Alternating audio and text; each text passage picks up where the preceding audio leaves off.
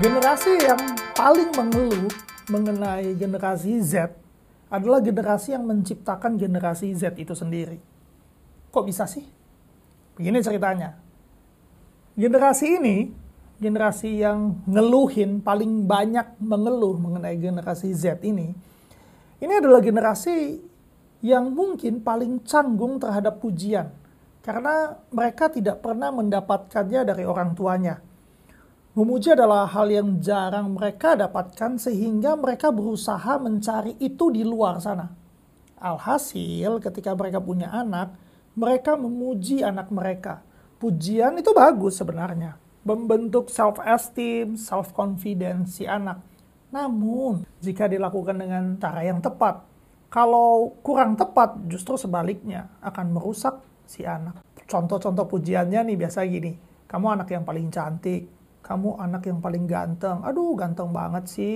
Kamu princess, kamu pinter banget, kamu spesial.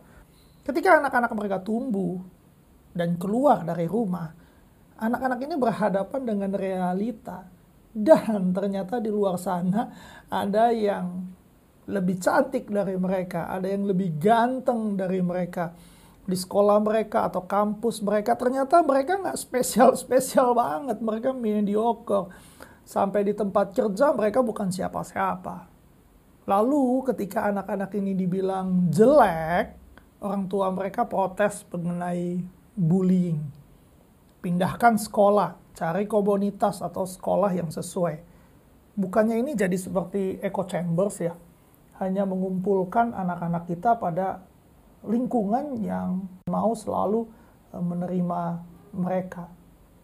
Lalu anak-anak ini jadi sadar bahwa tempat yang bisa menjadikan mereka princess, semua orang selalu memuji mereka, mereka bisa mendapatkan ketenaran atau popularitas adalah dari sosial media. Mereka bisa menjadi spesial, populer dengan cara mengumpulkan followers di sana, mencari status di sana. Makanya generasi ini berlomba-lomba nih untuk uh, bikin account sosial media untuk mencari followers di sana. Karena menurut mereka ketika mereka populer, semua orang akan menganggap mereka paling pintar tadi, paling cantik mungkin, paling ganteng mungkin, dan mereka spesial.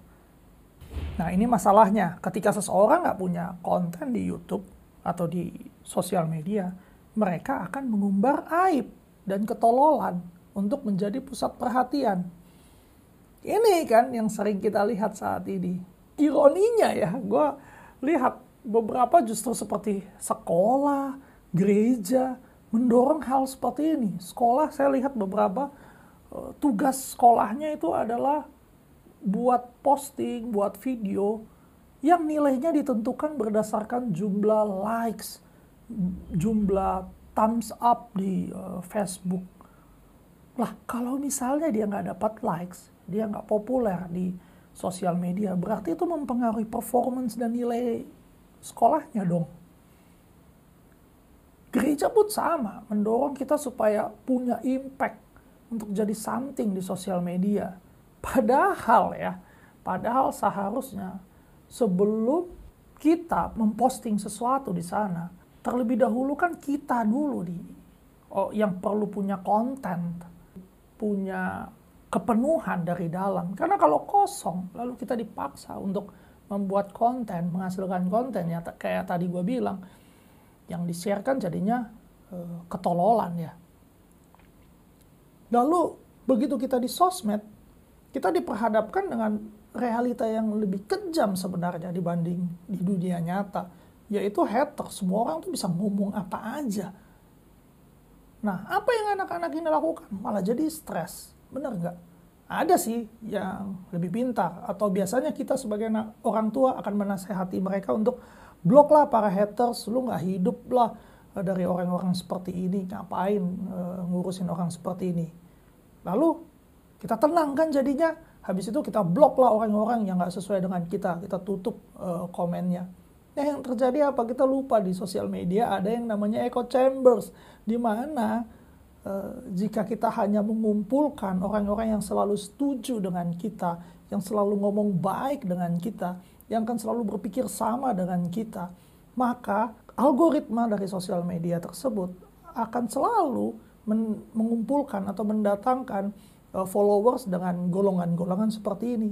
Nah, ini yang menjadi ironi bahwa sosial media justru membuat kita kuper, justru mem mempersempit pemikiran kita.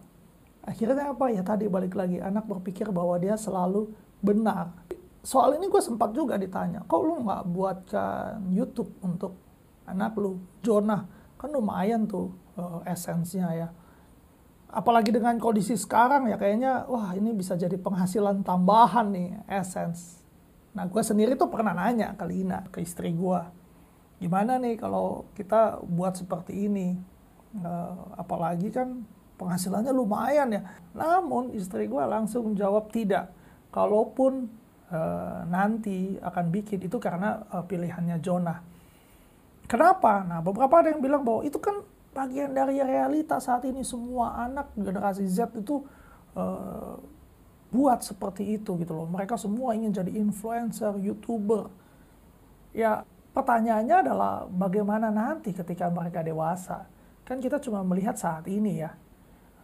Sepertinya si anak baik-baik saja kondisi psikologinya ada yang ada yang bilang wah kita sangat menjaga anak kita gitu loh uh, kita sangat batasi sama kalau mungkin kalau beberapa uh, pendengar gua ingat atau seumuran dengan gua dan ingat waktu kita kecil dulu ada yang namanya artis-artis cilik angkatan kita Oke, okay. orang tuanya pun sama di infotainment bilang kita sudah menjaga, berusaha, kita filter, pilih-pilih Coba deh lihat bagaimana nasib para artis cilik ini sekarang.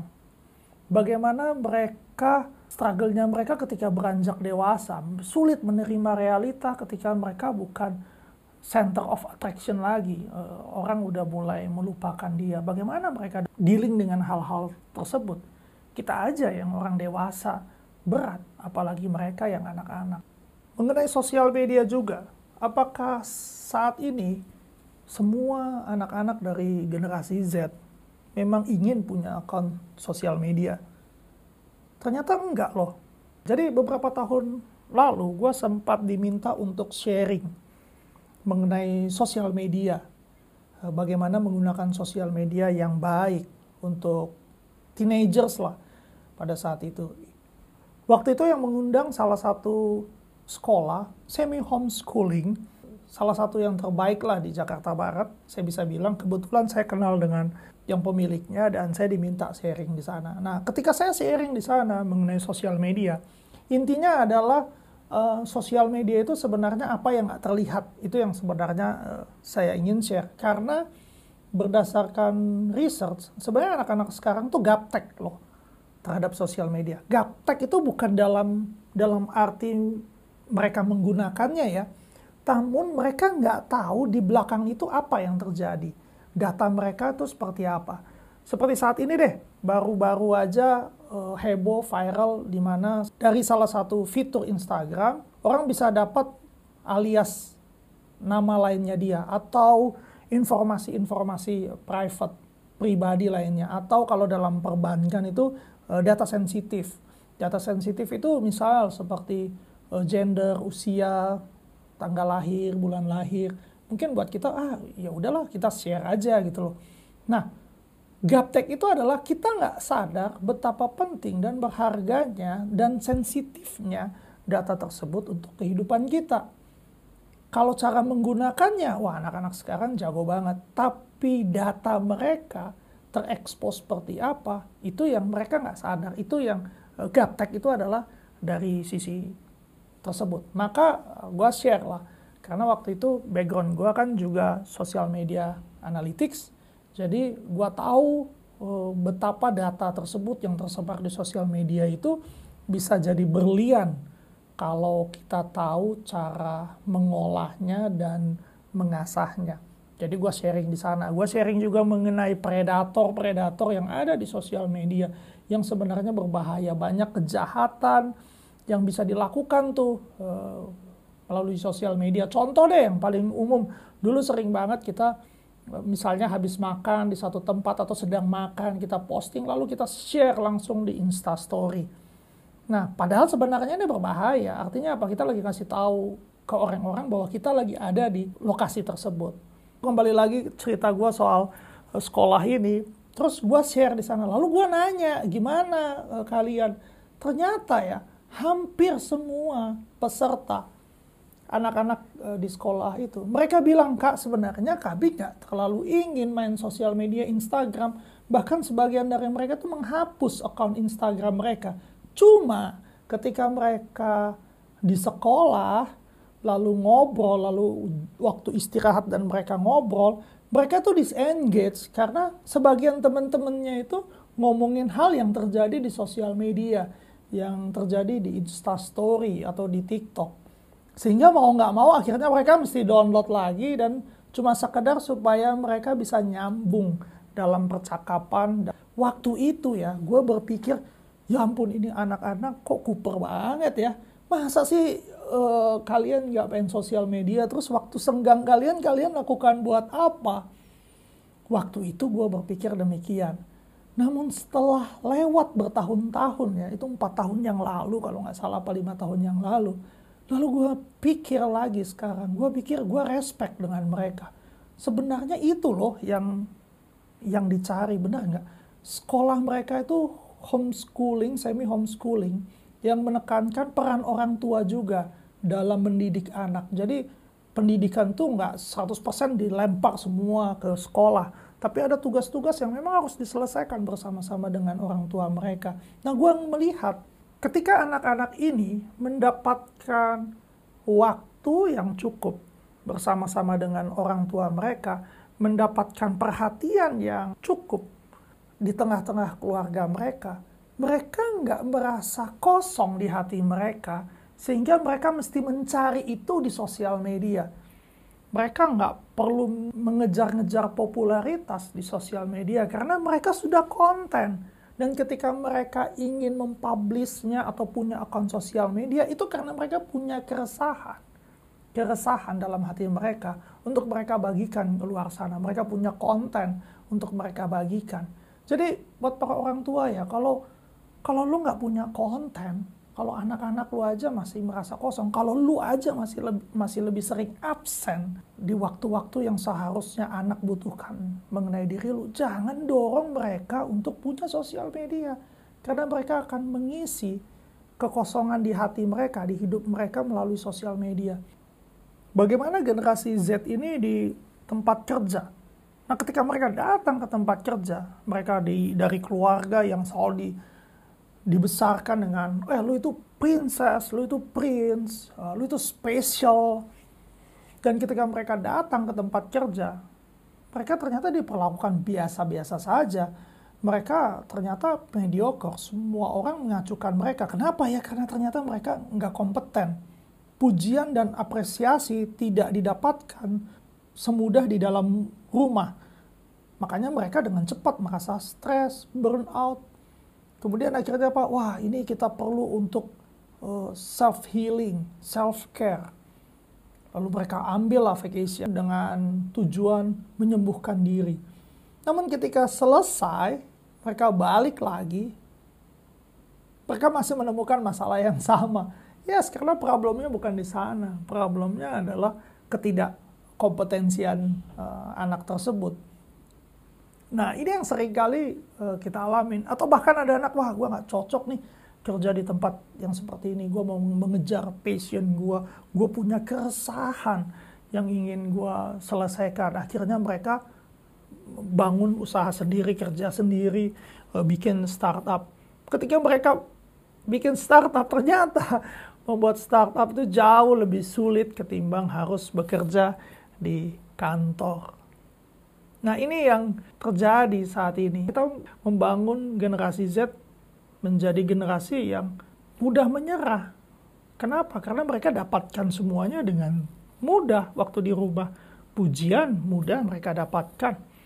Hmm, mereka langsung diapresiasi apa yang mereka informasi yang mereka inginkan mereka tinggal langsung search ketika mereka uh, punya tantangan untuk menghadapi diri mereka ya membuat diri mereka tenang misalnya orang tua mereka langsung sodorkan gadget anak tersebut langsung bisa tenang saat ini semua diperhadapkan dengan sesuatu yang instan maka ketika mereka ingin berhasil mereka ingin berhasil dengan instan mereka nggak dapatkan itu di tempat kerja akhirnya mereka berusaha untuk bangun popularitas mereka misalnya salah satunya dengan sosial media tadi.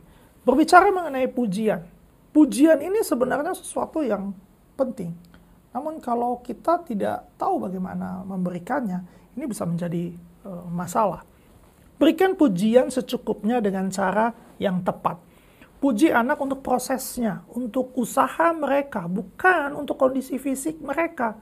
Misalnya, wah kamu ganteng ya, kamu cantik ya, karena apa? Karena kondisi fisik itu bukan sebuah goal atau tujuan hidup, itu bukan pencapaian. Kalau kita puji mereka fisiknya, dan ternyata di luar sana ada yang lebih ganteng, tidak heran mereka operasi plastik misalnya untuk mengejar supaya paling ganteng. Puji dia ketika anak bisa belajar mengendalikan diri.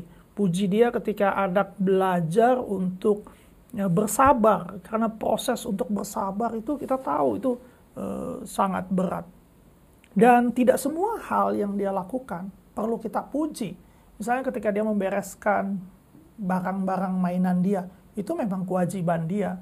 Uh, dia nggak perlu harus selalu dipuji untuk tindakan tersebut.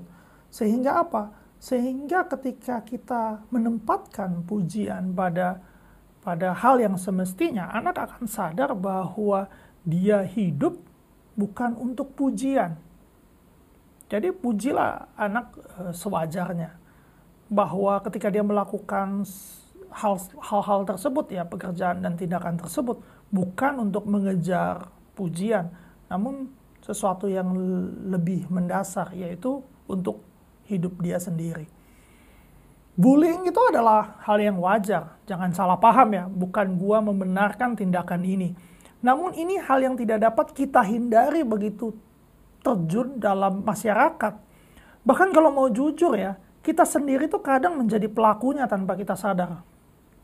Justru anak harus mengenal bullying ini dan mereka harus belajar cara menghadapinya. Peran kita sebagai orang tua adalah bagaimana mengajarkan anak untuk menghadapinya, bukan untuk menghindari situasi tersebut terjadi. Karena sebagai orang tua, kita mau hidup berapa lama sih untuk selalu menjadi pelindung anak kita dari realita? Justru sebagai orang tua, salah satu tugas kita adalah mempersiapkan anak-anak kita terjun dalam masyarakat.